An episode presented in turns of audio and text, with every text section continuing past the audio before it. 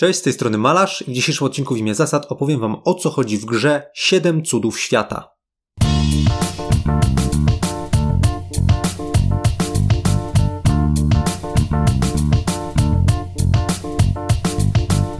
Siedem Cudów Świata to planszówkowy szlagier, który został wydany już w 2010 roku, natomiast w 2020 roku wyszła jego druga edycja.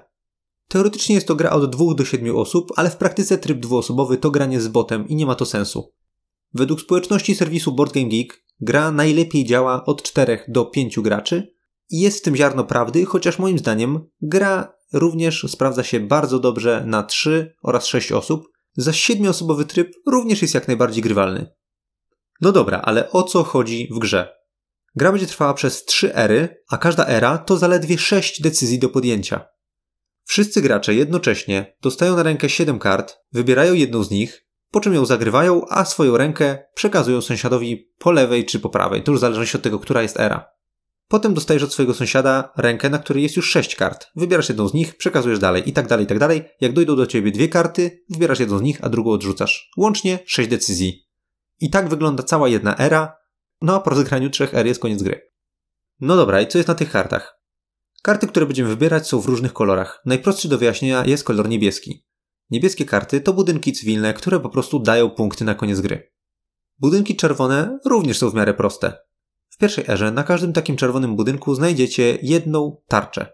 W drugiej erze dwie tarcze, w trzeciej erze trzy tarcze. Na koniec każdej ery porównujesz swoją siłę militarną, czyli ilość tych tarczek, ze swoim sąsiadem po lewej. Ten, kto ma więcej siły, dostaje punkty dodatnie, ten, kto ma mniej, dostaje punkty ujemne. Następnie porównujesz swoją siłę z sąsiadem po prawej i tak samo można zarobić lub stracić punkty. Karty zielone to karty naukowe. Każda z nich posiada jeden z trzech symboli, które na koniec gry dają punkty. Ale nie w tak oczywisty sposób jak karty niebieskie, że po prostu patrzysz, dostaje tyle punktów już. Karty zielone nagradzają za zbieranie ich w dużej ilości. Na koniec gry zielone karty dają punkty zarówno za każdy zebrany zestaw trzech różnych symboli, jak i nagradzają graczy, którzy zebrali dużą ilość jednego symbolu, ponieważ podliczając zielone karty, między innymi sprawdzasz, ile masz kart z danym symbolem, podnosisz te liczby do kwadratu i zarabiasz 4 punktów. Czyli na przykład, jeśli masz 3 karty z tabliczką, zarobisz 9 punktów, a jeżeli 4, to już 16. Kolejne rodzaje kart to karty brązowe oraz szare. Zapewniają one surowce budowlane. Nie wspomniałem bowiem, że większość budynków w tej grze, w sensie tych kart, które wykładamy, posiada jakiś koszt budowy. Na przykład drewno, kamień i sukno. Jeżeli chcesz wystawić jakąkolwiek kartę, to albo pokazujesz, że masz te symbole już wyłożone właśnie za pomocą tych brązowych i szarych kart, bo one zapewniają symbole produkcyjne, albo zerkasz, czy któryś z takich symboli nie leży u któregoś z Twoich bezpośrednich sąsiadów. Jeżeli tak, możesz zapłacić mu dwie monety, żeby na czas wykładania tej karty skorzystać na chwilę z tego symbolu. Jeżeli natomiast u siebie oraz swoich sąsiadów nie jesteś w stanie zebrać zestawu symboli, który jest niezbędny do wystawienia karty, to nie możesz zbudować tej budowli. Budynki produkcyjne, czyli brązowe i szare, są więc istotne dla dalszego rozwoju naszego imperium. Zwłaszcza, że z biegiem gry, czyli z każdą kolejną erą, koszty na kartach budynków będą coraz wyższe. Ostatni standardowy kolor kart to kolor żółty, czyli budynki handlowe. Zapewniają one wachlarz przeróżnych rzeczy. Zniżki handlowe na kupowanie surowców od sąsiada, uniwersalną produkcję surowca, jednorazowy zastrzyk gotówki, zarabianie monet lub punktów za karty w wybranych kolorach, przeróżne, przeróżne rzeczy. Jest jednak jeszcze jeden rodzaj kart, czyli gildie. Są to karty fioletowe, których dosłownie kilka wtasowujemy w trzeciej erze. W każdej grze po prostu losujemy kilka fioletowych kart. Ile? To już zależy oczywiście od ilości graczy. Dodajemy je do puli i w trzeciej erze one się pojawią. Natomiast te fioletowe gildie zapewniają przeróżne przeliczniki punktów związane z sytuacją na stole. Na przykład jeden punkt za każdą czerwoną kartę u Twoich sąsiadów. Albo uniwersalny symbol naukowy dla Ciebie. Troszkę ich jest, a każda jest nieco inna. Jak widzicie, podczas gry będziemy po prostu zagrywać kolejne karty w przeróżnych kolorach, starając się wykręcić jak najwięcej punktów. Nie powiedziałem jednak jeszcze o jednej bardzo ważnej rzeczy.